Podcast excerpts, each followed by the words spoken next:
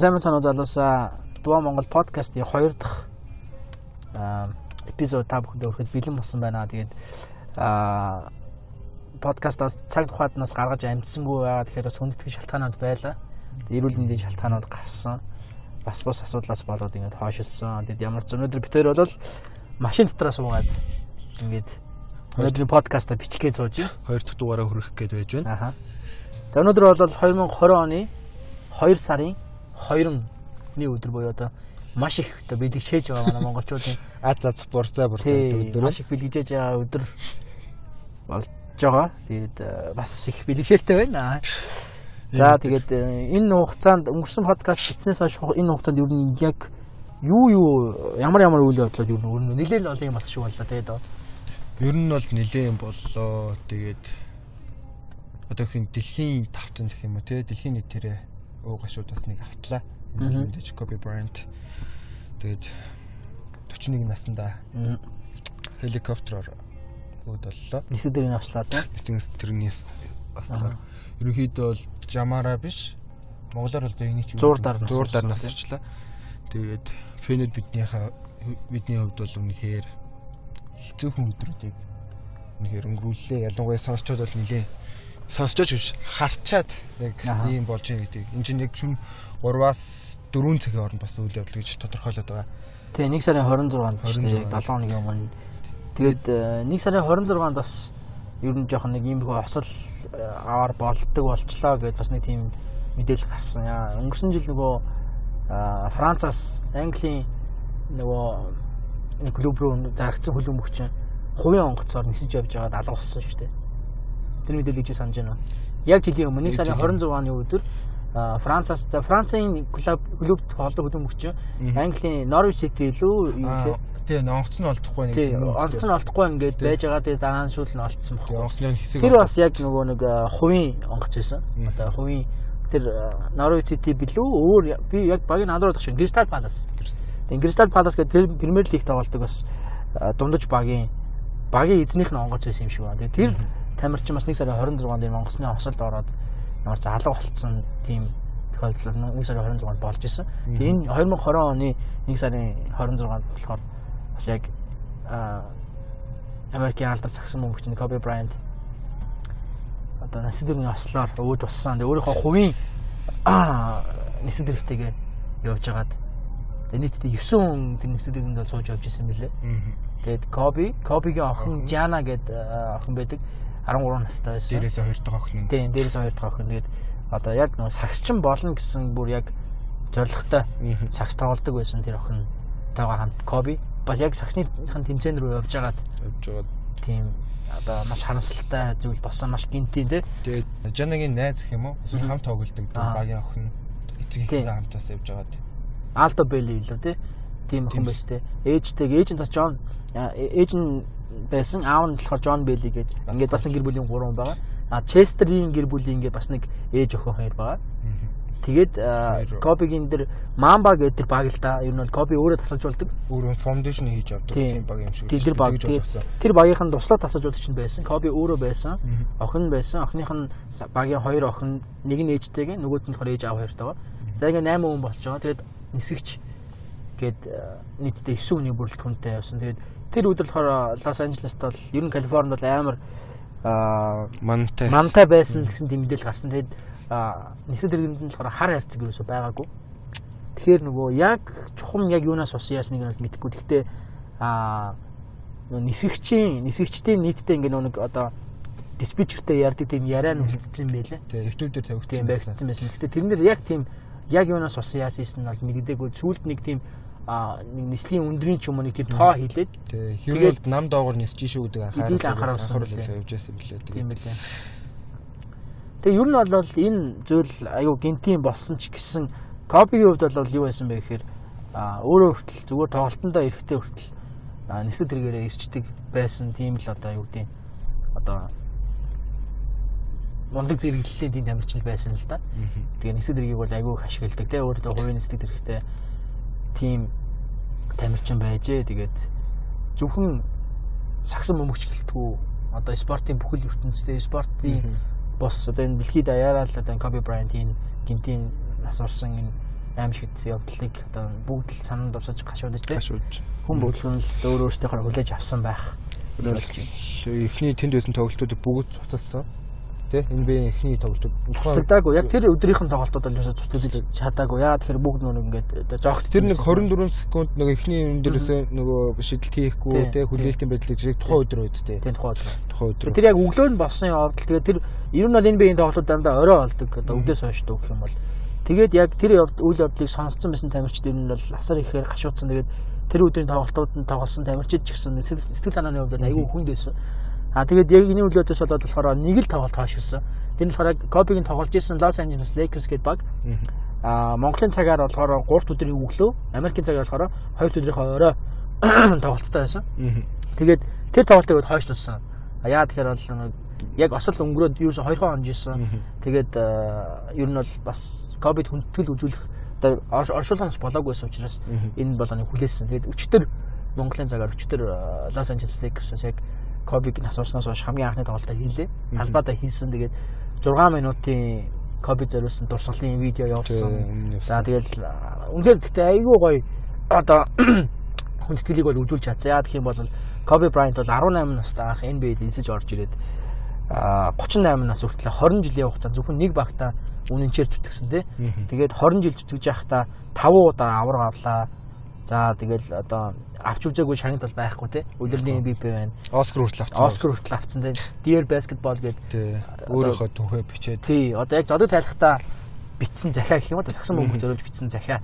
Тэр захиагаараас Оскар авлаа. Олимпиа авраг болж ирсэн. NBA авраг болж ирсэн. Олимпийн 3 удаагийн авраг болж ирсэн. Олимпи 2 удаагийн авраг. 16 онд бол яваагүй. 16 бэртэлтэй байсан. Тий. 2008 оны Бээжинг Олимпиад явсан. 12 оны Лондон Олимпиад явсан. Тэгээ 4 оны Олимпиад бол явах байсан боловч нэг бас нэг тийм хүчингийн хэрэг мэрэгтэй нэг холбогдсон нэг тийм болж исэн коби. Тэгээ тэр нь нөлөөлөлд бол 2004 оны Олимпиад бол явж байгаагүй.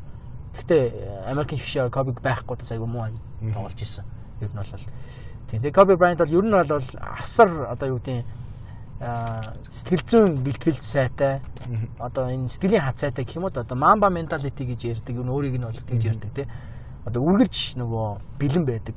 Тэгээ хизээч нөгөө шантардгүй тийм одоо зан чанартай байсан гэх юм уу? Одоо ингээд нас орсныхан дараа бол айгүй олон л тийм түүхүүд гарч байна л да тамирчид ингээд өөр өөртөөхөө түүхийг яриад копиг сананд дурсдаг түүхүүд ингээд ярьсан. Тэрнээс одоо хамгийн их таалагдсан юу гэсэн хэрэг Ален Айверсон гэдэг тамирчин ба штэ бас яг Кобитай хамт 1996 онд бас NBA-д орж ирж ирсэн тамирчин. Яг хав тэр хоёрын ялгаа нь анх NBA-д орж ирж ирсэн ялгаа нь хэрвээ юу вэ гэж харах юм бол Айверсон бол драфтын номер 1-ээр буюу асар өндөр хүлээлтэнд ор. Тэгээ угаасаа нэр хүндтэй болцсон байсан. А Коби болохоор драфтын 13-аар орж ирсэн. 3-аар орж ирсэн. Тэгээд хэний ч мэдэхгүй нэ зүгээр дээр нь 10 жилээс орж ирж байгаа шүү дээ. Жохон хөвгт. Тэгэхээр хүлээлт бол айгүй тийм асар ялгаатай байсан. Тэгээд Айверсон яг лейд ирж тоглосон анхны тоглолтондоо Кобитой Кобиг эсрэг тоглолцоод тэгээ оройн Кобитой хамт уулзсан тэгээ хоолны газар орж хоол идсэн гэж байна. Тэгээ тэр хоёр юу ярьсан гэсэн Коби болохоор Айверснаас авсан гэж байгаа. За чи эндээс гараад одоо хайрч чинь да гэсэн. За би дүүл нэг нэг Nike Club л орондоо тий. Club орж байгаа шоуданда гэж тийж хариулсан. Тэгээ Коби болохоор чи яа юу их чинь гээд Кобигоос асуусан чинь Коби болохоор би одоо шууд заал руу явлаа бэлтгэл юм гэж хэлжсэн гэж байгаа. Тэгээд ингээд харахаар хүлээлт бол ингээд шал өөр байсан. А гэхдээ хоёр хүний одоо хандаг бүр гадаад ингэ шиг ялгаатай байсан. Тэгээ эцэст нь энэ хоёр тамирчны карьерийг эргээ харах юм бол нэг нь нэг ч авраг авч үзээгүй авирсан. Бас өөрийнхөө хувийн зан характераас болж асар их одоо шүүмжилд хүртэж өөрийнхөө карьерийг ч гэсэн тэрнээс их алсан. Дампуурсан. Дампуурж исэн тийм тамирчин байна. А нөгөөт нь болохоор энэ их бэлтгэл шаргуу хөдөлмөрийн цаана 5 удаагийн аврагыг авцсан ялагч байна. Тэгээд энэ бол Кобигийн талаар хэлэхэд бол ер нь бол хамгийн анхны тоглолт Кобигийн хамгийн сүүлийн тоглолт гэдэг энэ хоёр тоглолтыг ер нь харах юм бол Кобиг хэрхэн өсөж дэвсэн гэдгийг л ер нь харах боломжтой болчихж байгаа юм л та. Хамгийн ихний тоглолтод бол Коби тиг өнө авч ирсэн. Талбай дээр хэдэн минут тоглосон юм бол та чаас. Сэлгэнээс гараад хэдхэн минут тоглосон баг. Тэгэхээр тэр баг хүлээлтнээс хөлмөрсөөр хөлмөрсөөр оргилд нь гараад тэгээд хамгийн сүүлд 2016 онд хамгийн сүүлийнхаа тоглолтыг хийхдээ 60 оноо авчаад тэгээд тэгээд NBA-с зодод тайлж ирсэн те Mamba out гэж хэлж ирсэн те Mamba out Тэгээд э, ямар ч байсан Kobe Bryant бол дэлхийн сагсан бөмбөгт маш том одоо нөлөөг үзүүлсэн. Одоогийн асар олон сагсан бөмбөгчнөр Kobe-г харж өссөн. Kobe-гоос бол сагсан бөмбөгт дурлсан тий. Ялангуяа манай Монгол? Тий, ялангуяа Монголд. Тий, нэг 2000 он яг ингээл дөнгөж гараад нь хөл өмг сакс гэдэг энэ глобалчлагдсан энэ том спортууд Монголд ингээд нэг шууд лайв биш ч гэсэн ингээд нэг юм бичлэгээр ингээд гарч эхэлдэг болсон тий. Мэдээллүүд аягүй их гардаг ингээд хүмүүс үздэг болол яг тэр үед Kobe Bryant мандаж эхэлж исэн тий. Тэгээд энэ одоо Монголд бол ялангуяа Kobe-гийн фэнүүд асар их байдаг. За би бол хувьдаа яг Kobe Bryant-ийн фэн бол яг биш. Тэгвэл Kobe-г нас ороход бол үнэхээр хүнлэхээс өөр арга байхгүй. Яг энэ хүний өнгөрүүлсэн, туулсан, амьдрал үзсэн юмнуудыг ингээд харах юм бол үнэхээр мундаг хүн. Асар их одоо том өв өв хөрөнгө гэх юм да тий. Тэгээд спортын түүхэнд ганц сакс гэлтгүүгээр бусад спортын ч гэсэн хүнд итгэлийг үзүүлж гисэн байна. Тэгсэн хөл өмгийн тэг хөл өмгийн жишээлбэл Неймар байна. Шоколоор уучаад 24 гэсэн тоо гаргасан. Тийм. Аа би нэг бичлэг үзсэн чинь Сансерод Ювентусын Милан, Миланы тоглолтын дээр. Нөгөө Коби нөгөө нэг бас нөгөө дун зургуулд байхдаа Италид амьдарч байсан. Тий 6-аас 13 настай байхдаа Италид амьдарч байсан. Аав нь тэнцэн сакс тоглох байсан тий. Тэгээ тэр үед болохоор Коби AC Миланы фэн байсан юм бол. Тэгээ Коби зодод тасныхаа дараа Европт хамгийн гоцсон газар нь Милан байсан. Милан. Тэгээд яг энэ 24 номерын өмсгөлийг бэлгэлж ирсэн. Тэгээд ер нь тэрийг хараад ч тэр одоо яг сүүлийн дээр AC Миланы тоглолтын дээр бол Кобигийн нэртэй Кобид имийг илэрхийлсэн Rest in Peace гэсэн тийм бичгийг Миланы фэнүүд гэсэн ингэ цэнгэлтэгтэй тавьсан.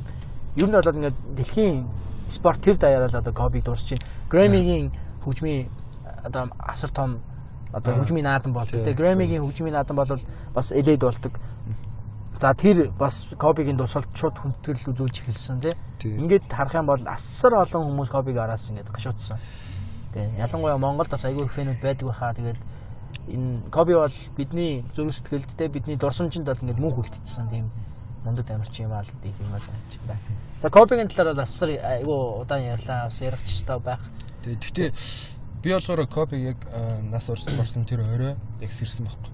Шүн үү? Шүн 3:50 үед.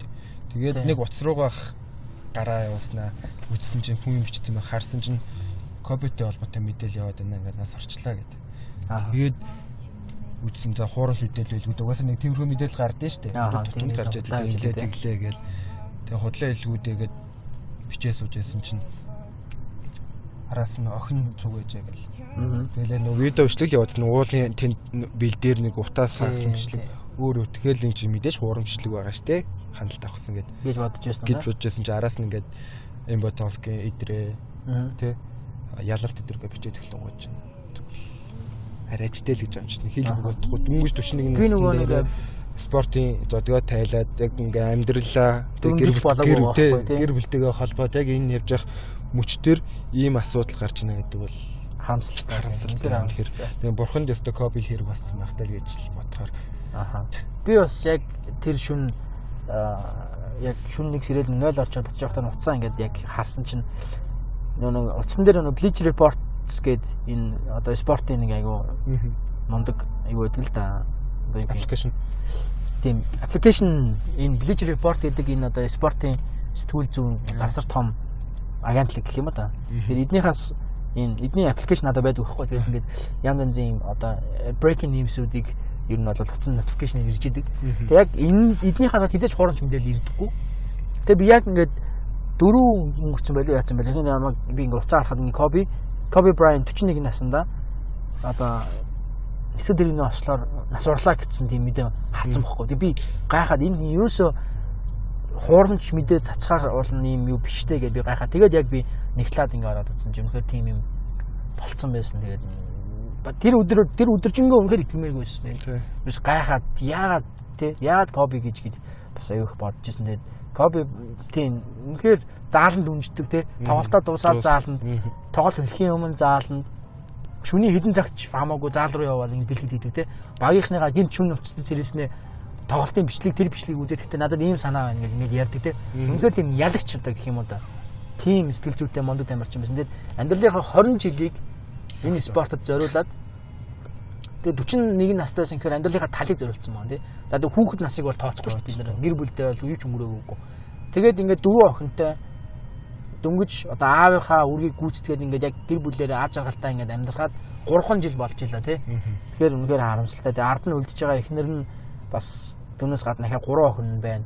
3 охин. Нийт бүр нэлээд байгаа шүү дээ. Тэг нь бол энэ бүр жоохон байгаа тий. Тэгэхээр үнэхээр харамсалтай тий.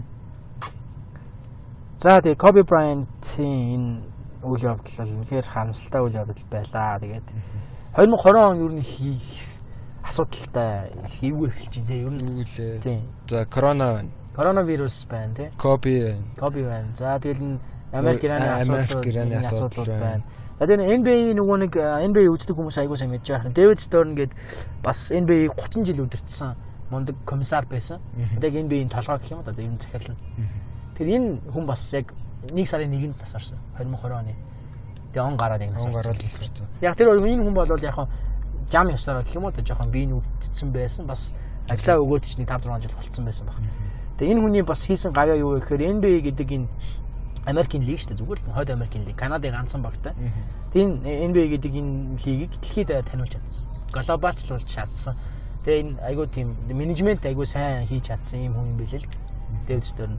Тэгээд Дэвид Сторн нас орлоо, Коби Брайант нас орлоо. NBA-ийн хувьд бол айгуу галцтай шинэ ном хэлж байна те. Тэгээд дэлхийн даяар ч гэсэн одоо энэ аимшигтай вирусын талаар янз янзын мэдээллүүд гарч байна. Асар олон орнуудад бас өөр өөрсдийн гэсэн тохиолдлууд илрээд эхэлчлээ. Тэгээ манай Монгол улс бол бас асар аюултай бүсэд байна. Яг л бүгд шиг ард улстай хил залгаа байдаг. Манай хил залгаа 90 хотод хүртэл 4 5 Тохиол гарсан. Тохиолдол гарцсан Хойно байна. гарсан байна. Оросд гарцсан байна тийм. Оросд гарсан байна. За манайхны хамгийн их зорчдог энэ Европын орнуудаар байна, Америкт байна, Солонгост байна. Японд байна тийм.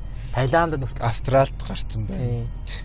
Тэгээд ингээд э, харахаар энэ коронавирусын асуудал бол яг яг хүмүүс ингээд seriously хандаж тий эхлэхгүй бол бас ер нь бол аюулын харанга дэлдэд эхэлсэн байна гэдэг. Ер нь бол тохиолдол нь бол 9000 гарсан байгаа шүү дээ. 9000 гарсан. Аа. Тэгээд нас орсон хүмүүсийн тоо 200 ид 200 гаруй. Тийм энэ тоо одоо ингээд байгаа. Ерөөсөө яг энэ толгоонд буусан тоо ерөөсөө санагдахгүй байгаа байхгүй. Яг тэр өдөр болгон ингээд өсөө явчихж байгаа бол. Тэгэхээр яг энэ тоо яг толгоонд өвчин тоо ерөөсөө байхгүй байгаа. байхгүй. Яг яг ийм байгаа шүү гэдэг тоо тоо өглөө болгонд нэг шинэ мэдээ гараад байгаа болохоор. апдейт хийгдэл яваад байгаа. Тийм. Ерөнхийдөө бол энэ бол дэгдэлт дэгдлийнхний эсрэг бол вакцин ч юм уу те. Эдгээр вакциныг гаргацсан гэж яг ботоор гаргацсан те. Манайх ингээд эдгээдэг боллоо гэсэн зарлсан мэдээлэл бол яг 100% явахгүй байгаа. Яг Тийм. Ер нь бол их сурвалжууд болохоор дандаа л юм хөөрс ялангуяа Монгол явж байгаа мэдээлэл дандаа хөөрөвдсөн буруу талын чих юм уу мэдээлэл их хитрхи их яваад байгаас тэрийг бол залуучууд бас анхаарах мэд. тийм тийм. Одоо ер нь бол англи хэлтэй болох хэрэгтэй маа залуучууд ер нь дороо хийж тий. Тэгээд өөртөө яг юмыг судалж уншиж их сурвалжтай баттай газраас ингээд уншаад судалж Тэгээд давхар үзээ явж байна. За тэгээд ямар ч гэсэн дэлхийн эрүүл мэндийн байгууллага чинь анх нөгөө нэг энэ коронавирусын тархалтаас эхлээд нэг тийм хурал хингүүтэй нөгөө яг а, албан ёсны онцгой байдлаар зарлаагүй шүү дээ. Энэ бол их шаардлагагүй гэж үзчихсэн. А тэгсэн чинь 2 хоногийн өмнө хуралдаад одоо бол үнэхээр тий аргагүй болсон юм байна гэдэг. Тэгээд тэрнээс хойш улсууд ингээд хятадтай хилдэг улсуудад ингээд хилээ хааж. Мгм. Тэгээ манай Монгол Монгол улс ч гэсэн 3 сарын 2-ны хүртэл бол хилээ хаасан. Хаацсан мэт. Тэгээ бараа таваар бол ор- орж ирнэ. Агарын хил өдөр бол яг байгаа. Хятадаас бол агаар хил байхгүй шүү дээ. Одоо нөгөө Хятадаас бол огт байхгүй. Байхгүй тийм. Зөвхөн хиттийн агаарын хил болон газрын хилийг бүгднийг ингээ огцсон. Тэгээд хиттаар дамжиж ирж байгаа нөгөө гадаад иргэн гэсэн оруулахгүй гэсэн тийм юм болсон зүг зүг. Тэгээд сая солонгосоос нэг хэсэг хүмүүс ирлээ гэд маа найзууд. Ааха. Энд хүүхдүүд ирлээ. Солонгосоор дамжиж ирээс байхгүй. Хятад сурдаг. Аа, Тийм. Тэгээ солонгосоос ингээд ирсэн онцоо бууж ингээд би гайхаад аа, тэгсэн шим шууд агарын хилийг хаацсан байгаа. Агаар хилийг хаацсан байгаа тийм. Нислэгүүд ер нь бол бүгднийг зохицуулсан байгаа л та.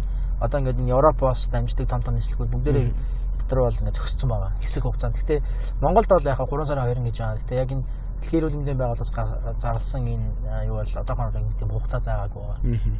Дээрээс яг юу болох нь цаашдаас яг энэ тархалт нь хэр цаашаа явах нь уу гэдэг л байна л да. Тэгээ ер нь бол өвчин хүнийг ялахгүй болохоор бүгд л дор гүрнээ өөрсдөө хамгаалаад явж байгаа хэрэгтэй. Тэрнээс бол нэг нэг ахаа ярьцлага хөтөмж хятад гэнтэй хүмүүс л баг тосх байх юм ээ тэр. Аа тийм Тий. тийм. Нөө Сэжгээр өвдөж сүжгээр идэв гэж хэлсэн л дээ. ер нь бол яхаа тийм. Яхаа тэгээд үнэхээр тэгж бодоод өөртөө ихтэй таалах гэж одоо сайхан л байна тий. Бас өдөр хүнийл юу юм да гэж би дотроо бодоод өнгөрчлээ. Ер нь бол Монгол тохиол гарсан байгаа лоо. Юу гэж бодож байна? Бид нар мэдээ байх боломжтой л байх гэж бодож байна. Би яг сайн мэдэхгүй л байна л таас яг. Яг бас ингээл нөгөө нэг э, Facebook-ийн нөгөө нэг чатаар бас нэг юм яваадсан voice voice message яваадсан. тэгээ voice message зураг яваадсан бас нэг 3 4 ширхэг зураг Тийм. даханд ингээд нэг танайхаа үетэй өөд болчлоо гэд. Тэрийг бол шууд эрүүл мэндийн яамнаас нэцалт хийсэн иргэдийн хурлын төлөөлөгч мөх чулуун байсан баг бас энийг ингээд асуугаад цааш нь лавшруулж үзлээ. Энэ бол ийм болоогүй шүү гэдэг бол халдвар халдвар төвчийн судлалын үндэсний төв дээр бас яг яг ингээд энэ тусгаарлагдсан байгаа угаасаа тийм өрөө бэлтцсэн тий тасаг бэлтцсэн ингэж ажиллаж байгаа юм байл л. Яг тэнд нь яг биеэр үзээгүй тэндээс яг яг ийм хангалттай хэмжээний яг мэдээлэл аваагүй болохоор яг сайн мэдэхгүй л байна. За ямар ч байсан Хинтээ аймагт нэг 14 настай охин уушины хатгалгаагаар нас орлаа гэсэн тийм мэдээ гарснаа. Тэрнээс аа дээжийг аваад тий шинжлүүлээд үзсэн чинь нэг H1N1 төрлийн томоогийн А 3 ч илүү томоогийн А төрлийн ямар ч байсан ханаад байж таарсан тий. Тэгээд тэр бол ямар ч коронавирус бол биш болж таарсан. Гэтэ ер нь бол ороод ирсэн байх юм бас үүсэхгүй. 14 хоногийн далд үетэй шүү дээ. Хамгийн 7-оос 14 хоногийн хугацаанд далд үе нь байдаг учраас асар аюултай гэх юм да. Тэгээ агаар тусдын замаар учраас одоо ингээд ханаагаад би бас нэг мэдээлэл уншиж байгаад нэг эмчийн бичсэн мэдээлэлсэн байна. Одоо энэ бол вирус яг нь яг яаж ингээ хүнээс хүнд халддаг вирус юу яаж хүнд ингээ халдаа яваад идэм бэ гэхээр за мэдээж ингээд ойрхон суугаад ингээ юм ярих юм бол халдах боломжтой. А хүн ханиалгаад агаарт ингээд вирусыг цацаад вирусыг цацаад орхичлаа гэхэд тэр нэгээс 2 цагийн хугацаанд ингээд агаартай ингээд байж идэг гинэ. Амьд байж идэг. Тэгэхээр одоо баг ер нь бол маск зүрсэн ч баг нэмэргүй ухааны л тийм маркийн тийм нийтлэл уншсан л да. Яг эмчнэр бас ингээд манай эмчнэраас айгүй гоё. Олон олон төрлийн лого төтөлтийн байна. Бас янз янзын нийтлэл бичдэм байна. Энэ вирусын талаар. Эндээс бас яаж өөртөө хамгаалах вэ? Манайхан илүү бас яг эмчнэрийн үгийг сонссон дээр юм болов номын төгөн сонсцсон тий? Энэ зүйлийн талаар биднээс хамаагүй илүү мэдлэгтэй байгаа учраас эмчнэрээ бас айгүй сонсох боломжтой болоо зүгээр хин нэгний нэг гаргасан мэдээлэл эсвэл нэг тийм тэгсэн гинэ ингэсэн гинэ гэсэн ярианд итгэхээс илүү те асуудалтаас яг ухаалгаар хандах хэрэгтэй болов гэж бодож байна. Тэгээ нөгөө нэг юу байсан шүү дээ чи тэрийг анзаарсан нөгөө юу супермаркет бол хоосорлоо гэл. А тэр би зүгээр л хоосорсон байсан үе зургийг аваад дигдээсэн. Тэрнээс нэг айхтар би яг зүгээр дөрөхний гурил юу ч хараагүй шүү дээ. Бүгд л байлаа шүү дээ. Тэгээд харин тий. Тэр бол зүгээр л тухайн үед л нэг хоосон байсан үеийн зургийг авт авчин хөрөл нэг сайхан сенсац усгч. Тийм би бас харин гайхаад фэйсбүүк дээр үлээж авахгүй. Яагаад хүн болон гайхаад энэ одоо хүнсний omсдол боллоо хүмүүс ингээ аваад байна. Бүх хүн тэгж. Тэгээ би гайхаад бүх хүн ингэж яхад одоо ямар хүмүүс нь очиж тэрийг аваад байгаа. Би тэгэл дараа нь сүнсээ зөвлөлөөс нэг явсан тэгэл мэдхгүй. Ямар ч надад тийм л мэдрэмж төрөөгүй. Миний бодлоо наасан дээр чинь ингэсэн байх. Нөгөө худалдагч нар одоо гэх юм те энэ том том корпорац те супермаркет дэлгүүрийн эзэд мэдээж одоо цагаан сар болгож байгаатай холбоотой бараа таталтай бол тэнцсэн байгаа. Аа. Тэгээ ханаад боллоо. Энэ ханаад ханаач гэж тэ одоо энэ корона гэдэг энэ вирусээс болоод цагаан сар болохгүй. Энэ нөгөө баахан төвлөрүүлээд татсан байгаа хөрөнгөө муудах нэг хэцүү, зарах нэг хэцүү, бодлоо ултан багсаад идэг. Тийм болохоор зүгээр нэг хуурамч мэдээллийг зүгээр тий сошиаллаар цацаад тэгэж хардаж бас болох юм тий. Би бол эрэлт нийлүүлэлтэд буцаагаад ингээд болоод авсан байх л гэж бодоод байгаа. Ерөнхийдөө бол тэгж хардаад байгаа би. Гэхдээ 100 баталгаатай биш зүгээр миний бодол шүү. Хардах хэрэг байна тий. Тий хардах хэрэг байна. Аха. Нэг тиймэрхүү тэгээд э, Монголын хууль 3 хоног гэдэг шиг анх бол э, коронавирус гарлаа маск зүүхэд бол маск дууссан шүү дээ бүх энэс ангаар. Тийм байсан. Бүгд маск гадуур хин харахаар хин хүмүүс маск спицэн респирт болтгоо гар аридгаж болтгоо маск нь болтгоо манай ажлын хэхэлд маск бол оруулахгүй гээд тэгээд гарч эмээс орж маск авах гэхээр маск нь байхгүй Тэгэл хүнээс маск авч маск илүү байна уу гэл. Яг юм. Тэгээ одоо ингээд яг тэгж өнгөрсөн 7 хоногийн нэгдэх хоёр нэгдэх өдрөөс чинь юу байсан дээ. Маск зүүгээд. Аа. Тэгэхэд яг 3 хоног бол хүмүүс амар идэвхтэй зүйлсэн. Сүүлийн одоо 4 5 4 5 дахь өдрөөс бол масктай хүмүүсийн тоо цөөрөл хэлсэн. А нэг албан байгууллагад орохдоо л нөгөө маска зүүж яадаг хүнд харагдах те нэг хэлбэр төдий гэх юм уу. Тийм тийм. Яг эн чинь бол өг нь бол бусдыг хүндэтгэх нь бас өөрийгөө хамгаалж байгаа нэг юу шүү дээ эрүүл байх нь бол яг би нөгөө нүдний шил зүүд болохоор наад бол үнэхээр маск зүг үнэхээр тамтай байна. Нөгөө цантаад байгаа хальт нэг агарын юугаар амьсгалахаар яг цантгийн чинь бас ингээд аргаж болд юм байна. Ингээд хамарлуугаа ингээд бүр дээш нь ингэж тулгаж агаад шилээ ингээд гадуур ингээд тавьчихаар нь бол нэг гарч байгаа амьсгал нь шил рүү ингээд өөр тийшээ гарч болдог юм байлээ. Гэхдээ шилтэй хүмүүс бол үнэхээр маск зүг үнэхээр хэцүү юм билээ. Юу маск биш. Даун маск, даун гэх юм одоо юм нөгөө Юу нь ямар ч маск. Нэгэн маск ш. N95 зүг болохгүй байна удаа бүгдийн зүг үзлээ л дээ. Тэгээд ер нь бол бүгдээрээ надад айгүй тухгүй хэцүү байсан дээр. Тийм болохоор аль болох бас боломж ажилтаа үед бол ажилтаа очино. Аа бусад үед бол ер нь боломж гаргал гэртээ байхыг илүүд үзэж байна. Тэгээд уусаа гадуур гараад энэ хүүтэнд юу хийх юм те. Тэгээд одоо ингээд бас чөлөө цаг өнгөрөх газар бүгдээрээ ингээд ерөнхийдөө олон нийтийн газар бол ингээд карантинлаад бар рестораны 62 цаг хүртэл ажиллуулахаар болчлоо баруудыг ялангуяа дөрөв хүртэл ажилладаг байсан шүү дээ. Тэрийг 12 болгоцсон тэгээд цэцэрлэг сургуулиудыг амрааж кино театрууд байхгүй болчихлоо зогсчлоо.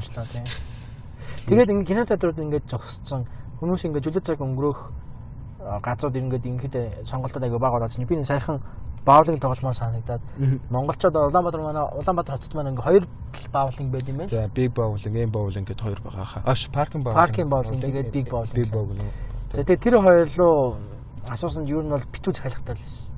Яг хүмүүс яг нэг ингээд бас яг ямар нэг юм хиймээр байна л да тий. Тэгээд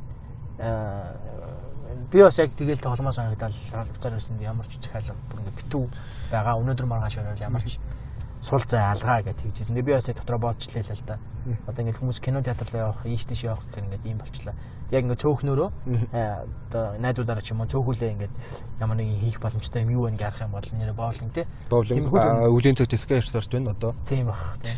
Тэгээд скайр сортоос бас нэгтэй байж магадгүй бас олон хүмүүс байгаа газар тий. Тий.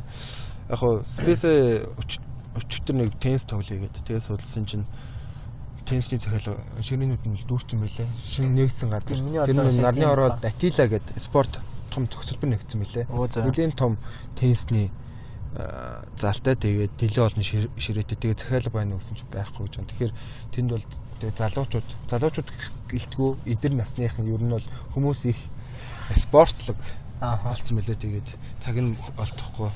Нэгд өдрийн цаг байна л. Эсвэл юу лээ? А өнөөрөө 10 цагийн цаг байна гэж байгаа байхгүй 12 хүртэл ажилладаг.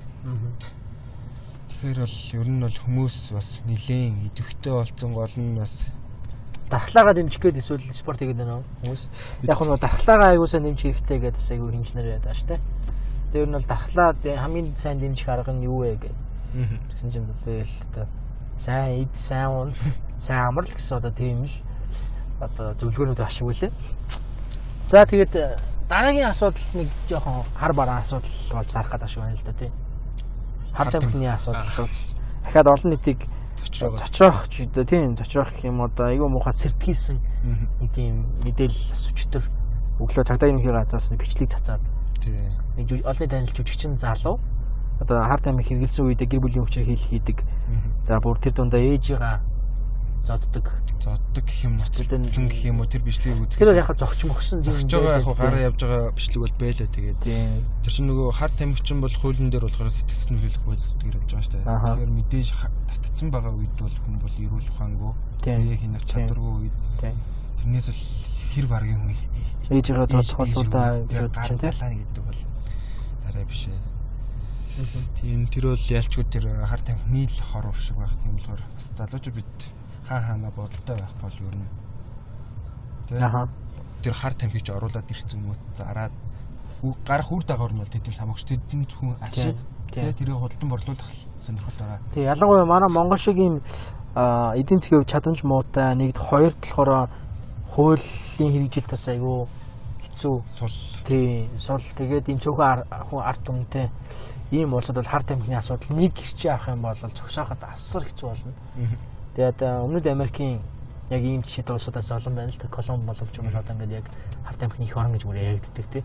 Ерөнхийдөө ч өөр бүр харт амхны 8 ч хүн хүртэл сонгогдож магадад ингээд бүр одоо хүртэл одоо энэ харт амхны асуудал Колумбыг үнэхээр зовоодаг гэж байна. Тэгээд манай Монголд битэл тийм болчихосоо гэж үнэхээр дотроо бодож явах юм да. Тэгээд ингээ харахаар үнэхээр хэцүү юм. Тэгээд энэ бол зүгээр энэ мэдээ болж хүмүүс хүрж байгаа энэ мэдээллүүд юу вэ гэхээр энэ харт тавхины хэрэг толбогдож байгаа, шалгагдж байгаа хүмүүс олонний танил байвал хүмүүст мэдэгдэж байгаа болохоос ш бидний мэдгүй тэ хүмүүсийн танихгүй асар олон залуучууд энэ зүйлээс болоод ял авах нь аваад тийм шалгатан шалгадаад ингэ явж байгаа байхгүй. Тэгэхээр энэ асуудал дээр бас бүх нийтээр бас айгүй энэ ялангуяа энэ залуучуудыг сайн одоо синхруулах хэрэгтэй л байна л. Зөв мэдээлэлтэй. Одоо энэ асуудлаас хол байлгах хэмжээг нь одоо хийх ёстой бүхэл боломжоо ашигламаар байна л да. Олон жоохон асуудал нь юу вэ гэхээр гарч буй факт бол өмнө нь бас нэг дуучаа байсан шүү дээ. Хорхол бас шүү дээ жил. Тэгээд давзаалдах шатнаас буцаагдсан. За хэргийн буцаа мөрдөн байцаах шатны шилжүүлсэн. Тийм. Одоо тэр хүн болохоор хар тамхины эсрэг холбоо нэ тэргээд хүмүүс энийг юу гэж харж байна гэхээр хэрэглээд ах ингээ өршөөгд өршөөгдөж ч юм уу те ингээ хэрэгэн замхаад учрыг нь олчих болдгүй юм биш те гэдэг юм хар мас буруу мэдээлэл юм. Тэгэхээр яг олонний танил дээр л бид нар жишээ авах байгаа болохоос яг залуучууд дундаас одоо те хэрэгэлдэг залуучууд ялаа явж байгаа залуучууд зөндөө ганц нэгээрээ биш бүлгээрээ. Тэгээ нэг л баригдахад араараас нь ингээд нөгөө тагнуулынхан барайл. Тий. Нэг сугаар нь ороод барай авчиж байгаа. Гэхдээ би энэ дээр яг ингээд одоо чинь хар тамхины тамхи хэрэгэлсэн гэхээс гадна яг энэ зарж борлуулсан энэ дамжиж явуулж байгаа энэ тэр саплайеруудыг л олох хэрэгтэй юм л та. Тий. Ер нь бол хуулийн дээр бол хэрэгсэн нь бол авдгүй шүү дээ.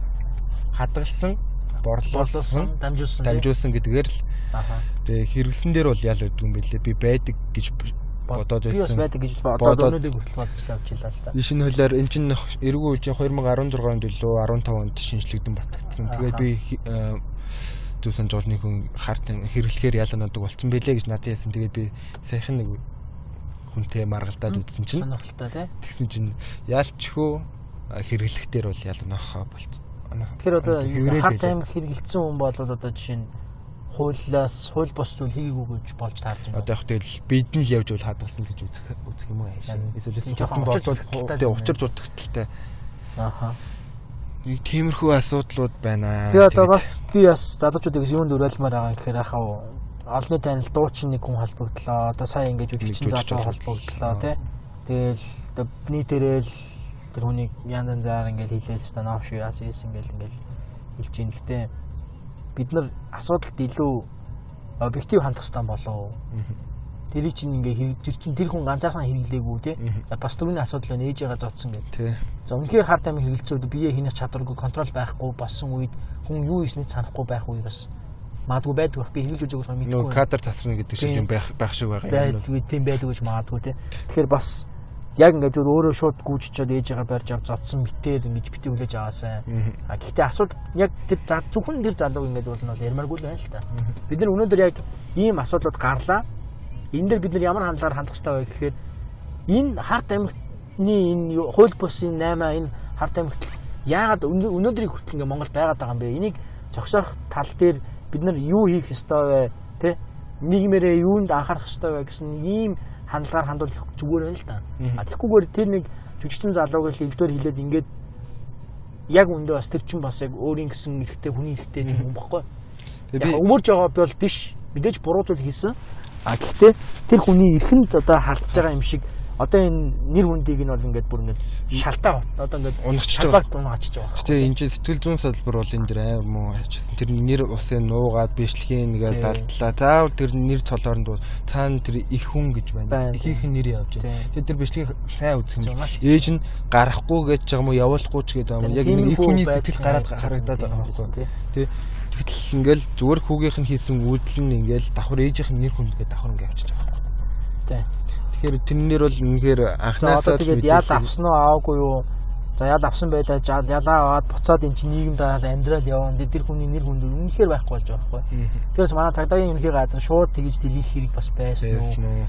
Ер нь ингээд манай Монголд би ингээд зүгээр анзаарлаа л та. Ер нь ингээд манай Монголд ямар ч мэдээллийг гаргахтаа нэг тийм гаргаж байгаа мэдээлэл гаргаж байгаа тэр их сурвалж нь нэг ерөөсө хоёр л төрлийн мессежийг хүмүүст өгөхийг аяг өсгөх юм. Ямар ч мэдээ байсан. Нэг бол айгүй баатрын дүрээр, нэг бол зүгээр нийгмийн хог шаар гэсэн ийм хоёр туйл дээр л мэдээ яваад байгаа байхгүй. Хизээш Бүр тийм хандлагатай. Бүр тийм цаанаас тийм хандлагатай ингээд одоо албаар ч юм шиг яг мэдээж сайн зүйлийг бол бичээд өгнө. Гэтэ тэрийг бүр баатар мэт бүр дээш нь шидээд биччихнэ. Аа буруу хандлагатай мэдээллийг болохоор бүр нийгмийн хог навш болоод за ялангуяа ийм гэр бүлийн асуудал ийм маш ийм эмзэг асуудлууд төр бүр нэр устай нь ингээд бичлэгтэй нь ингээд олон нийтэд ингээд дэлгээ зарлцдаг. Тэгэхээр энэ нь болохоор ингээд миний бодлоор ингээд мэдээлэл сэтгүүл зүйн салбарт бол асар бас тийм том асуудал байгаа болоо гэж хараад байна. л та. Ер нь бол э, сэтгүүлчнэр хаалтын гэрээ хийдэг гэж ярьдэн шүү дээ. Тийм Тий. гэж ярьдаг. Тэгээ хаалтын гэрээ л хийчих юм бол тэр тэнд болж байгаа асуудал хамаагүй бичихгүй. А харин эсрэг хийгээгүй бол харин цацж яадаг. Тийм болохоор нөгөө тэгээ хэвлэл мэдээлэлд одоо их гардаг том компаниуд ч бүгд хаалтын гэрээ хийгээл өөрсдийнх нь нэр хүндийг унахгүй гэдэг. Ерөөсөө нөгөө сая гэхэд л хэвлэлийн тухай хуульд юу лээ? Хэвлэлийн нийтлэх тухай хууль лөө. Бас нэг хуульд өөрчлөлт оруулна а, одоо гэсэн хэвлэлийн нийтлж аваад цензур тамина төрөөс гэсэн чинь тэдний эднэр дээр сэтгүүлчнэр дуурайд эхэлж байгаа байхгүй. Хэвлэлийн нийтлэг эрхчлөлийг та нар төрчөөд байна. Тэ? Энэ чинь чөлөөтэй байх зүйл ард иргэд бид мэдээлэх хэрэгтэй. Тэгсэн тэгсэн мөртлөө хаалтан гэрээ хийгээ яваад байдаг. Тийм. Тэр Өөртөө мэдээлэх хүргээ гэдгийг мэдсэн мөртлөө хууль гарны гууд эсрэгээр нэмэрээд явуулсан. Хэвлийн эрхчлөөний өдөр лөө тийм өдөр дэлхийн хэвлийн эрхчлөөний өдөр гэж 5 сарын хэдэн төлөөд ямар ч 5 сар болд юм лээ. Тэгээд нөгөө намайг оюутан байхад би яг тийм мэдээ уншижсэн л та дэлхийн хэвлийн эрхчлөөний индекс гэдэг одоо ингээд 150-аад орныг илүү чигсаацсан байсан. Тэгээд би тэндээс Монголыг олж харах гэсэн нэлээд доошоор гүйлгсэн л дээ. Юу нь бол тэгэхээр энэ болгоны цаана ард яг энэ хаалтын гэрээ үнээр хийдгүү яадгүй гэдэг ингээд янз янзын цензуруудыг оноо өгөөл явд юм байна л. Тэгээд Скандинавийн хойгийн орнууд байна. Норвег байна, Швед, Финланд энэ орнууд бол хэвлэлийн эрхчлөө хамгийн дээр байна.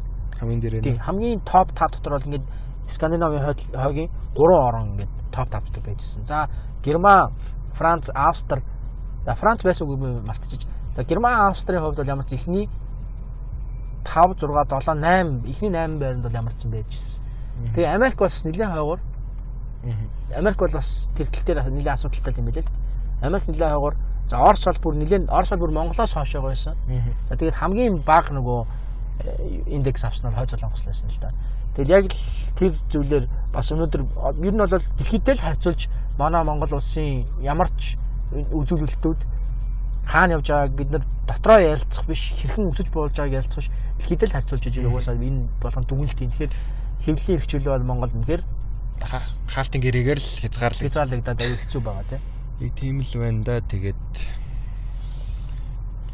За тийм ямар ч нэг иймэрхүү хар мэдээллүүд дээр бас залуучууд бид нар залуу хүмүүс бас ухаалгаар хандах хэрэгтэй байх. Төвчээртэй ч жоохон хандах хэрэгтэй байх тий. Янз янзын мэдээлүүд цааш нь түгээгээсээ юм нь бас бодох хэрэгтэй байх. Хүн хүний их гэж байна тий. Хүн алсан байсан ч тэр чинь хүн гэсэн тийм Тий. ойлголтоор явж байгаа учраас бас хүний эрхийг яг ойлгох хүндлэх хэрэгтэй хаа. Тэгэхээр ялангуяа энэ асуудлыг заавал тэр хүнийг нэрээр нь дуудаал энэ тэнд бичхээсээ илүүтэйгээр энэ хард амхны асуудал Монгол байхгүй байхын төлөө ямар нэг зүйл хийгээсэй гэж хүсэж байна. Тэ? яг тэгж бодож шүү.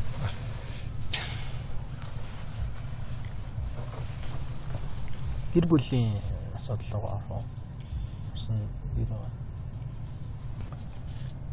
Монголд үрх тулгаасын ганц би эцэг их гэсэн судалгааг үндэсний статистикийн газраас судалгаа гаргасан байсан. Тэгээд тус судалгаагаар бол Монголд а, ер нь 19 бол- оных уу? 19 он. Аха. 19 оных.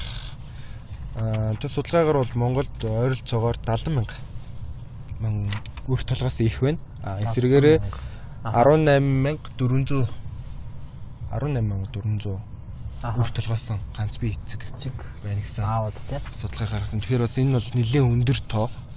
Аха. Ер нь бол маш 3 сая хүн амтай шүү дээ. Аха. Тэ? Хэдэн гэр бүл байдаг юм үздэг. Хэдэн хэдэн мянга хэдэн зуун мянга гэж үздэг байлаа. За Гэр бүлийн тогч. гэр бүлийн тоог бол Аха. Тэрийг яг нөгөө гэр бүлийн тоонд тэдэн хувь нь яг юм ганц өргөх толгоос нийцэг ихүүд байна гэж авч үзвэл бас нэг сонирхолтой байгаа ч байх тий. м, 70 мянга яа 70 мянган ээж ганцаараа 10 хэдэн мянга лээ аав аав нь 18 мянга 400. 18 мянган аав нар. Гэр бүлээ ганцаараа авч явж байна. Өнөөдөр Монголд те Тэ- Тэгээд 2019 оны байдлаар 36 мянган өнчөө хөхт байна. бүтэн ч Бүтэн энэ дээр бол ер нь бүтэн өнчин гэдэг агуулгаар өнчин л гэдгээр нь л тоо шүү Өндөр те тоо. Тэгсэн чинь Монголд өдөрт дунджаар 10 гэр бүл салдаг. 40 гэр бүл гэрэлтэй батлуулдаг те болдог. 25% нь салж ийн гэсэн үг юм л байгаа л те Тийм байна. а бас асар нийгмийн амар том шүдний өвчин болсон асуудал шүү нэ гэр бүл залалт энэ гэр бүлийн асуудлууд бол? Тэгээ гол нь энэ чинь ганц гэр бүл хоёр хүн салаад дуусч байгаа эсвэл дотор нь хүүхэд байна. тийм Тэ? Хүүхэд өмчирч байна. Тэгэд одоо нөгөө хүмүүсийн амар амар сонсдог сонсдог хэрэгүүд чинь тэгэл дандаа хойд эцэг гэхүүдийн хоёр дахь амьдралаас болсон тэр асуудлууд байдаг. Тэгээд тэгэл эцэст нь хохироод үлдэж байгаа хүмүүс дандаа хүүхдүүд байдаг те. Эсвэл эмгтээчүүд ч юм уу байдаг. Тэгээд бас энэ асуудал дээр яаваж одоо бас бид нар хандах хандлагаа өөрчлөх ёстой болоо гэж бас бодож ин л да би бас. Тэгээд одоо Европуудыг ингээ харах юм бол харцангуй ингээд 30 наснаас хойш энэ бол гэр бүл болдог. Гэр бүл зохиодог. За Азуудын соёл бол ерөнхийдөө жоох эрт байдаг тийм. Ялангуяа баг Монгол хөдөө орон нутгийн баг 16 толгойл мал хөвөл очиж байгаа шүү дээ. Тийм. А гэхдээ миний бодлоор бол одоо бол Солонгос одоо Азийн хөгжилтэй орнуудын хувьд бол гэрэлтийн нас бол ер нь бол жоохон хойшсон баха. Хуучин бол адилхан байсан гэж магадгүй.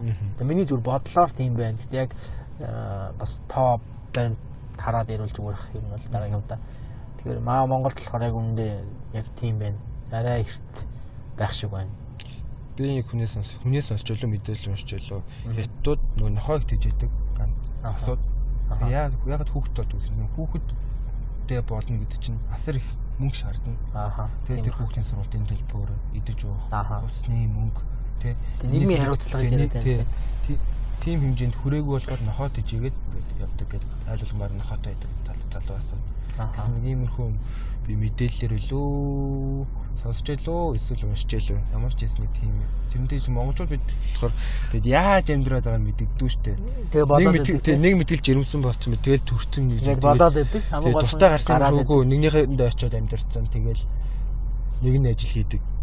Тэгээ яг яаж тэгэл нөгөө амьд хоёулаа ажиллаж хүмүүс бас байж магадгүй. Тэгэл яг эцэг ихээр хүүхдүүдээ харуулцдаг. Нөгөө Монгол Монгол оюул нэг хүн нэмэр тэр хүнс нэмэр нэгэл хүүхд өөрөө өнөө заваад ирнэ гэдэг шилээ. Тэгж л ярьдаг л да. Яг яг хаа авчирхууд авчирдаг л гэхдээ л бас хитрхи одоо харанхуу Яа эргээд тэрэндээ хариуцлага хүлээх чадвар нь сайн байж чадчихвал одоо хамаа алгал да. Жишээ нь 4 5 хүүхэдтэй болцсон ч гэсэн тэр хүүхдүүдийнхаа төлөө одоо хөдөлмөрлөөд ингэ явж байгаа эцэг хүүхэд бол байгаа л тий. Тэгэхээр яг тийм байж чадчихвал надад үнэхээр асуудал алга тий. За харин зүгээр нэг хүүхдүүд хүүхдтэй болчихсон мөртлөө зүгээр нэг жижигхэн асуудлаас болоод ч юм уу эсвэл эмэгтэй эрэгтэй асуудал эхнэр нөхрийн хоорондын харилцаанаас болоод гэр бүлээ ингээд туслуулж байгаа бол асар том хариуцлагагүй байдал гэж мэдээлмээр байна шүү. Яг хөө манай нөгөө залуучууд араас нэмэгтэйхээ хараасгүй гэж болж жирэмсэн болгоод жирэмсэн болсон эмэгтэй буцаагаал нөгөө залуугийн хараасгүй гэл яг тийм л мелодрам үргэлжлэдэг шүү дээ. Бараг л тийм л юм байна. Энэ нөгөө хүчрхийллийн эсрэг үндэсний төв дээр дадлага хийж яхад амар амар амьдралтай хүмүүс байсан. Ингээд хүүхдэд дагуулсан таавчтайгаа гэрийнхаа уттай хоёр хүүхдээ хоёр гарт ингээд дагуулсан. Дөөлө орж ирээд ингээд хөрмөн зодоод энэ цагдаа ингээд тохоо байцсан. Ирээл нэг бол эргэлжлүүлээд аваад явдаг. Эргэж ирээд дахиад нүдэ айдаг. Аха. Тэгээд яаж нэг бол үнэхээр тэгээд тийм хүмүүсийг харангууд ингээд стресс ингээд бүх ингээд тий тэр нөхрийн ингээд яагаад ийм амьдралаар амьдарч байгаа юм тий. Ингээ хоёр сайхан хүүхэд нь нээж гин сайхан экстрим нээж гин гэтэл ингээл зүгээр л нэг хар усаар хар ус гударч ирэл зодоо ичдэг тэгээ бид нар туслаач гэж юм л тий. Бас иймэрхүү газар байдээ шүү. Та нарын асуудлыг шийдэж өгдөг тий. гэр бүл чинь салгад тий. Шүүхээр яаж явах уу? Тий. Тусдаа нэг хит хоног байлга тийм байраар хангадаг ус газар байдээ шүү. Аха. Тийм тэгэл яг тэгэл одоо биеэд сад гэрээдс гэрээдс сад төрөөс гэл одоо монголчууд ярьдаг үг шүү дээ. Тэрэн дээр яг тэр үгээр зүүрлээд ингээ ярих юм манай залуучууд ер нь бол гаргаж байгаа хамгийн том алдаа нь болохоор биеэд саагүй. Тийш бол гэрээдс гад л үзтээд үж тараад ах шүү. Тэгээ би гэр хоёроо бараг цуг яваад идэм байх шээ. Тэгээд нөгөө биеэ зас чадаагүй гэд нь ямар утгаар хэлээд байна гэхээр өөрийгөө ойлгоогүй. Өөрийгөө ойлгоогүй тийм. Би ямар хүн бэ гэдэг юу нь ойлгоогүй. Аа би эрэгтэй хүн бол би А болоход бэлэн үү эсвэл би нөхөр болоход бэлэн үү? Эрэгтэй хүн болоод би айлын эхнэр болоход бэлэн үү эсвэл би хүүхэд гаргахтай ээж болоход би бэлэн үү гэдгээ дотроо яг ингээд өөрөө өөртөө яриад асууж тэгж боддог хүн баг байд юм уу гэж баг бодмоор байгаа байхгүй үнэндээ. Бэлэн босноо гэдэг асуулт нь бол бэлэн босон болоо тэр хүн юунд ч бэлэн бохгүй яг үнэндээ. Тэгэхээр тийм бодол манай залуучуудад жоохон тутмаг байгаа юм болоо да. Тэгээд яг хөө хүн хэдэн насандаа хинтээ суун уу те тухайн хүний асуу. Хүний хүний хувийн эрх лашруулах л да. Тэгээд хамгийн гол нь эргээгээд гарах үр дагавар нь юу вэ гэдгийг сайн бодох хэрэгтэй болоо хариуцлагатай байх хэрэгтэй гэдгийг ойлгох хэрэгтэй л ах маань залуучууд. Тэгээд хамгийн их хохирж үлдэж байгаа хүмүүс дандаа хүүхдүүд байна. Тийм хүүхдүүдээс яг би тэр хүүхдүүдийг бол ирээдүйд бол дандаа гэмт хэрэгтэн болно гэж хэлэхгүй те. Хүн хүн хүн өөрийнхөө амьдралыг л ингээд бүтээгээд явна. Гэхдээ хүн хайраар дутаж өснө гэдэг ч өөр байна. Тийм, хайраар дутаж өссөн хүмүүс хамгийн их гэмт хэрэг холбогддог. Энэ бол ингээд тоогоор батлагдсан учраас. ингэ судалгаа гарцсан байдаг. Гэтэ заавал хүн болгон тийм болох алдгүй те. Тийм.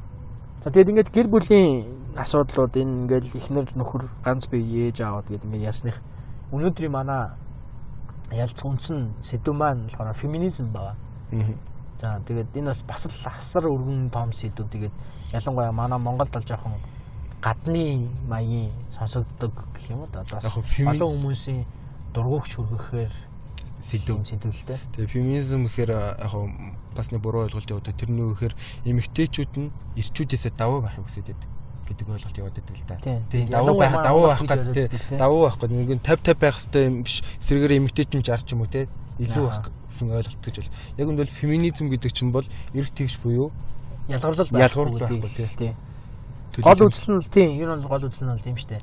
Яг хүн хүн тэнцүү хүн гэсэн тийм ойлголт л. Мгм. А яг эрэгтэй эмэгтэй хүмүүсийн ялгаа юу гэхээр биологийн ялгаа л байна. А тэрнээс бол хүн тэнцүү хүн гэсэн тийм л одоо юмны зүйлийн төлөө тэмцдэг тийм нийгмийг бүтээхийн төлөө л одоо ярьдаг юм сэтгэлтэй. Мгм. Тэгээд а, Монголд энэ асуудал бол бас бас одоо юу гэх юм нэг 10 20 жилийн өмнөхийг бодох юм бол одоо ингээд ярьдаг болцсон л сэдвэлтэй хүмүүс бас их ярилцдаг болцсон л асуудал болч удаа. Тэгээд про феминист гэдэг одоо эрэгтэй мөртлөө феминизмыг одоо дэмждэг хүмүүсийг про феминист гэж нэрлэдэг бэл. Тэгэхээр би бол их тийм амар про феминист энэ төр бол тийм хүн биш л дээ. Гэхдээ энэ асуудлыг бас үнэхээр бодож явах хэрэгтэй асуудал юм байна шүү дээ. Хүний оролцоо одоо нийгмийн оролт нийгмийн юм олон нэг хүн бүр нэрсээр хагаад нийгмийг бүрдүүлж байна. Энэ бүрдэж байгаа нийгэм ямар дүрмээр явж байгаа энэ бүх одоо нийгмийн хариуцлага тэгээ нийгмийн ажил үйлсэд эрэгтэй эмэгтэй хүмүүсийн оролцоо тэнцүү байж чадчихэв үү гэдгийг л өнөөдөр бид нар Монголд бас ярих хэрэгтэй болж байна. Тэгээ асар олон одоо янз янзын за мухар сүгүүдж орж ийн асар олон иймэрхүү зүйлүүдээс болоод феминизм бол Монголд бас асар их одоо хөндөгдсөн гэх юм уу эмэгтэйчүүд их бол айгүй их зөрчигдөж байгаа газар гэж би хардсан шүү дээ. зөрчиж байгаа гэж ярьдаг. Тэгж харддаг тий. За хамгийн одоо миний хамгийн дөрөнд толгойд орж иж байгаа бодол юу гэхээр за айл болгон мэдээж юм биш гэхдээ ер нь дийлэнх масыг харах юм бол охинтой боллоо. За нэг аль нэг охинтой байлаа, нэг хүүтэй байлаа. Ер нь л хүмүүс хүүтэй санаа зовх нь асар бага. Тий. охинтой болсон хүмүүс аягүй санаа зовдөг. За яах вэ? За манай энэ за энэ эрэгтэй болвол тэгэл тэг биеийн хүчний ажил хийгээд ч хамаагүй ингээл амьдралаа аваад явжлаар нь ямар ч лээс уучраа болно. За энэ нэг эмэгтэйгээл нэг хот бараад болоод нэг хайтайхан сургууль төгсгөөд нэг гайгүй мэрэгчлээ болоод авалч нэг тэгэл өста болох нь дээр гэсэн л тийм бодол байдаг. Тэр бол зүгээр эмэгтэй хүнийг хайрлаад байгаа ч юм шиг сонсогдож магадгүй. Наад гэхдээ нөгөө талдаа айгүй муухай хийгээд байгаа байхгүй юу?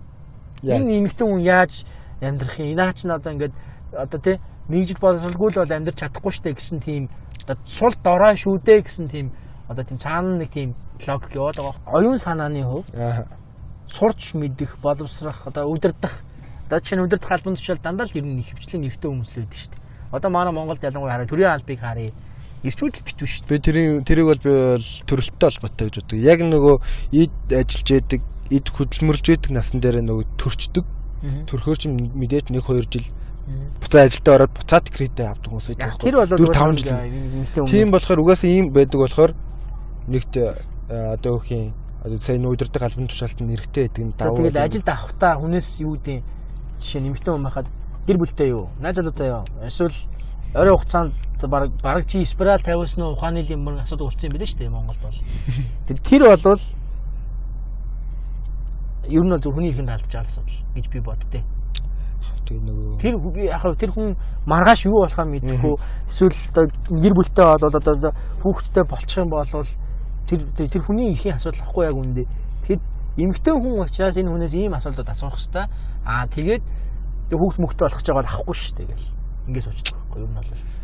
Энэ бол бас л эмэгтэйчүүд эрхийг зөрчиж байгаа асуудал юм болоо. Нэг хоёр талаараа манай Монгол улсад амьдарч байгаа Монгол улсад төрсэн Монгол менталитетэй Мгм. эмэгтэй хүмүүс ер нь жоохон өөртөө итгэлгүй.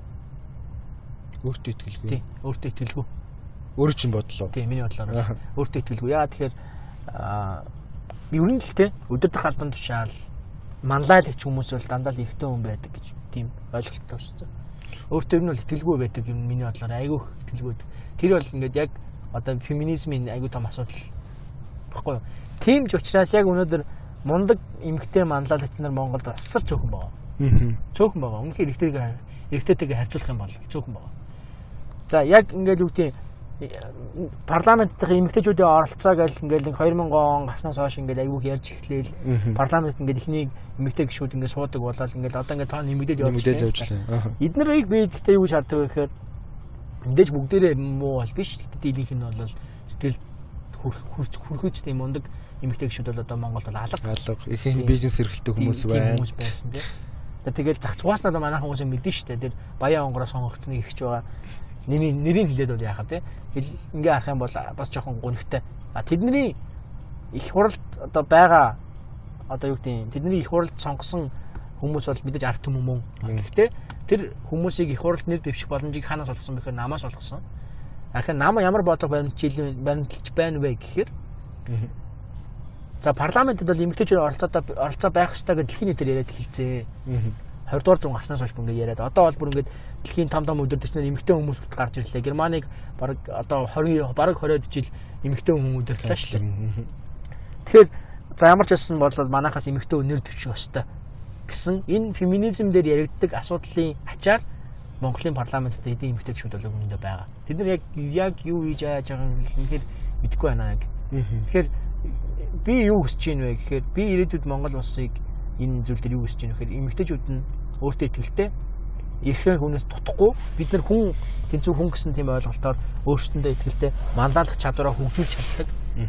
Тэгээд тэрийг харуулж чадах хэмжээний амбицтай тийм байгаасаа гэж хүсэж байна.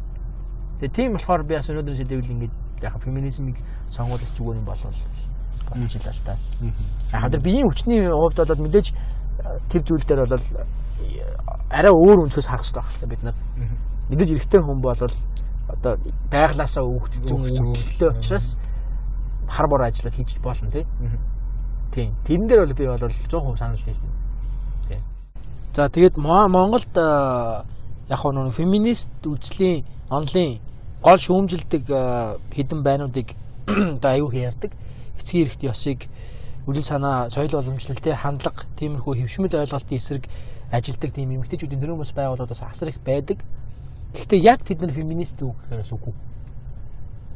За тэр нь болохоор юугаа илэрхийлэгддэг вэ гэхээр эмэгтэйчүүдийг нөгөө нэг одоо юу гэх саран ээж аа юу гэдэг за алдар тхийн одон бол угаасаа л аль дээр үеэс хойш ингээ өгөөд эхэлсэн одонгод байна те за дархан бэр уран бэр ингээд юу юу гэдэг ингээл иймэрхүү шагналууд иймэрхүү юмуд болохоор эмэгтэйчүүд эмэгтэйчүүдийн эрхийн төлөө шагналууд ч биш байгаа Зүгээр л эмэгтэйчүүдийн хүрээнд дундаа өгж байгаа тиймэрхүү одоо шагналууд эмэгтэйчүүдийг баярлуулж байгаа. Гэхдээ феминист гэдэг нь болохоор нийгэм дэх оролцоог нь нэмэгдүүлэх. Эмэгтэйчүүдийн потенциалыг ашиглах. Одоо энэ юу а нэгдсэн үндэсний байгууллагаас бол судалгаа хийсэн байгаа байхгүй? Тэгээ нийгэм болоод эдийн засгийн харилцаанд бүрэн эмэгтэйчүүд оролцоод ингээд хөдөлмөрөө одоо ингээд чадах хэмжээнд ингээ үнэлүүлээд ингээд явах юм бол дэлхийн эдийн засаг 22 их 80 Америк доллараар өсөх боломжтой гэсэн тийм судалгаа нэгдсэн үндэсний байгууллагаас гаргацсан. Тэгээд эмэгтэйчүүдийг юу гэж үздэг вэ гэхээр одоо нөөц нь одоо тулаагүй байгаа, шавагдаагүй байгаа одоо хөрөнгө гэж юмнууд үздэг.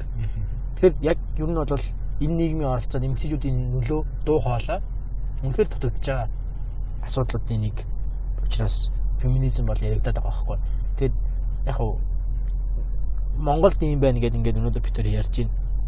Гэхдээ дэлхийн мундаг том том орнууд ч гэсэн энэ асуудлаа шийдэж амжаагүй байгаа чадаагүй төгс шийдэж чадсан орн ч баг байхгүй байгаа л та. За за өнөөдрийн сэдв маань ингээд феминизмын талаар ингээд ярилцлаа.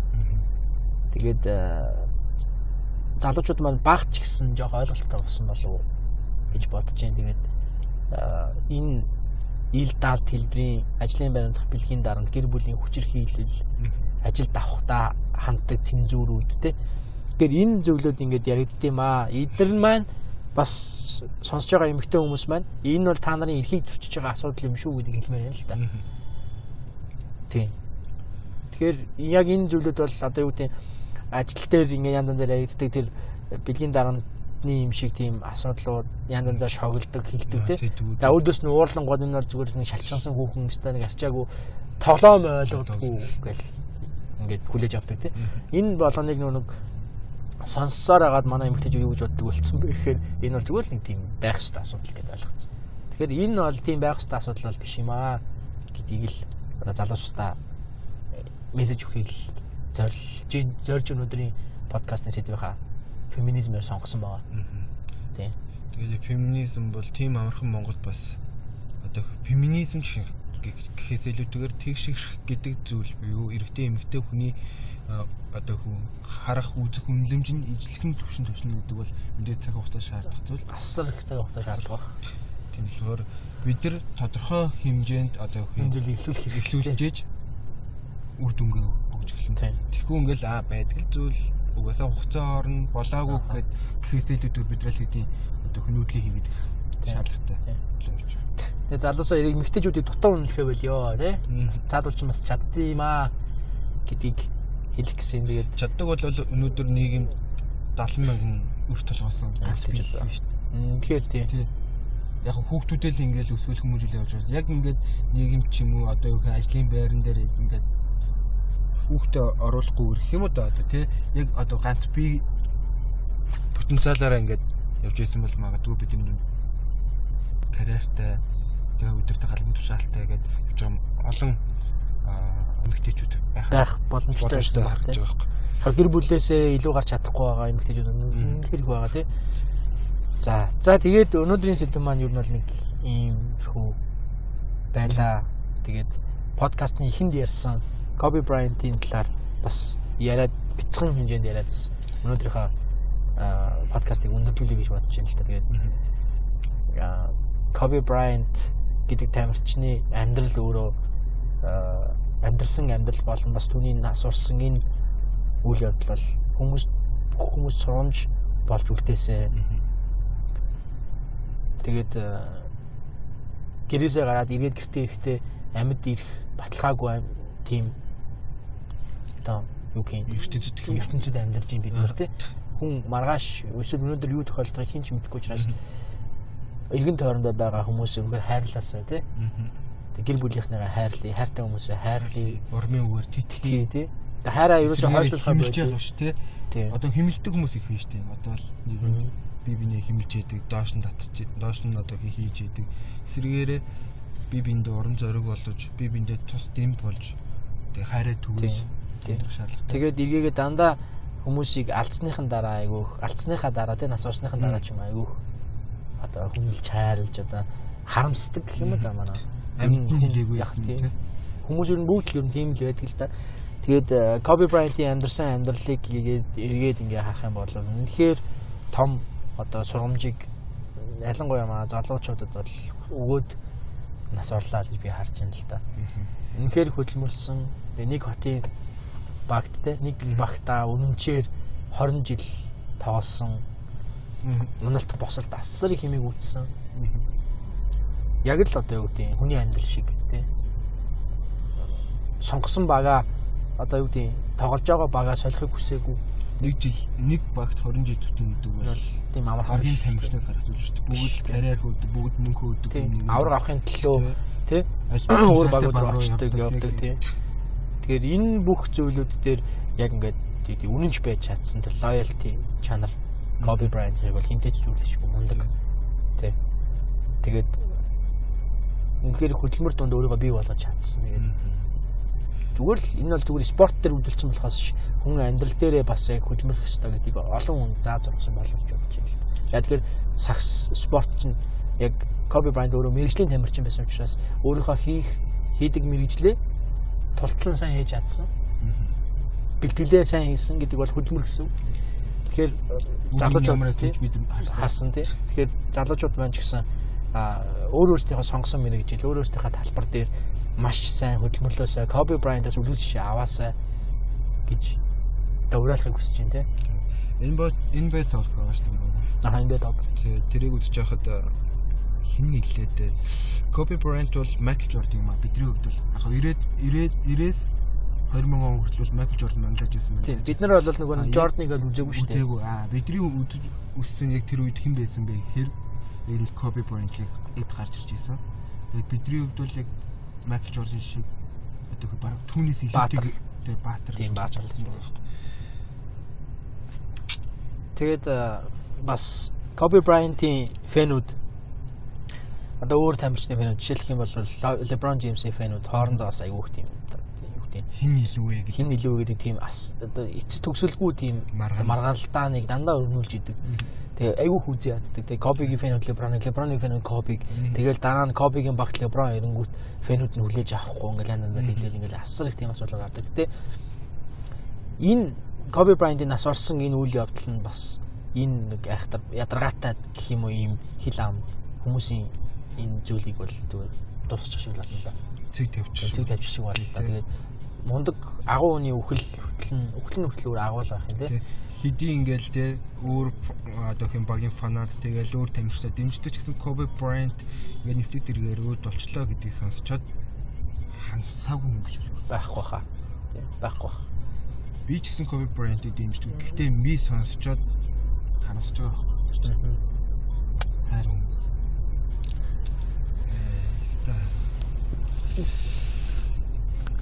За за тэгээд илүү их мэдээлэлтэйгээр өөр сэдвээр эх 7 хоногт эргээд уулзцаая тийм ээ. Эх 7 хоногт уулзцаая тэгээд цаг гарган бидрийг бид сонсон яриаг сонссонд баярлалаа. А тэгээд бас бидний өнгөрсөн дугаарыг Германаас нэг хүн сонссон байсан. Хин сонссныг мэдгүй гэхдээ ямар ч гэсэн маш их баярлалаа. Данке шүүн гэж хэлээ тэгээд өргөжлүүдэн сонсоор хэрвээ таалагдах юм бол бас шеэр хийгээрэй тий. Бас өөр сонсуулмаар байгаа хүмүүс байвал тэр хүмүүст бас хүргээсэй гэж хүсэж байна тэгээд. Яг бид хоёрын хувьд бол яг дөнгөж хоёр дахь дугаар улам илүүгээр сайжрах болно. Аха. Тэгээд дөнгөж эхэлсэн. Тэгээд Тэгээд залуучтай ахаад хэлэхэд бол хоёрын подкастын үндсэн зорилго юу вэ гэхээр бид өөрсөндөө ямар нэг юм наахыг хүсээгүй. Зүгээр бидний амьдарч байгаа нийгэмд болж байгаа үйл явдлууд бас нийгэм тулгарч байгаа асуудлуудын талаар хоёр залуу нийгмийн төлөөлөл болсон хоёр залуу өөр өөрсдийнхөө байр суурийг илэрхийлж ярина. Залуусууд залуусаа залуусыг ямар нэгэн зүйлд уриална. Өөртөөх бодлыг бол тулахгүй тий. Тэгээд ийм одоо зорилготой подкаст байгаа. Тэгээд таалагдвал цааш нь сайн түгээж өгөөрэй бас бид нарыг бас байнга сонсож байгаасаа гэж хүсэж байна. Тэгээ тэгээд залуучууд та бүхэнд бас яриулах одоо сэдв ч юм топик ч юм уу те ер нь хоёрын одоо хин энэ сэдв төр ч энэ топик төр яг ямар хуу бодолтой байна ер нь дэлхийн төлөө бичиж болно те. Тийм байх юм бол бид нар яг тэр талаар ч юм бас ярих боломжтой. Тийм. Бид хоёр бол өргөжнөлттэй байх болно. Тэгээ ер нь яваа явандаа бол бас цочонтой бас ярьцлагууд бас ер нь явж эхлэх баха ер нь хавраас тэгж бодож байгаа. Тэгээд бас мундаг мундаг хүмүүсийг үрж оролцуулна, ярина. Тий. За тэгээ илүү олон мэдээлэлтэйгээр илүү олон үйл явдлуудтайгаар шин сэдвтэйгээр эх 7 хоногт иргэн уулзцаая. За баярт. Баяр та. Coldplay араас нь явлаа.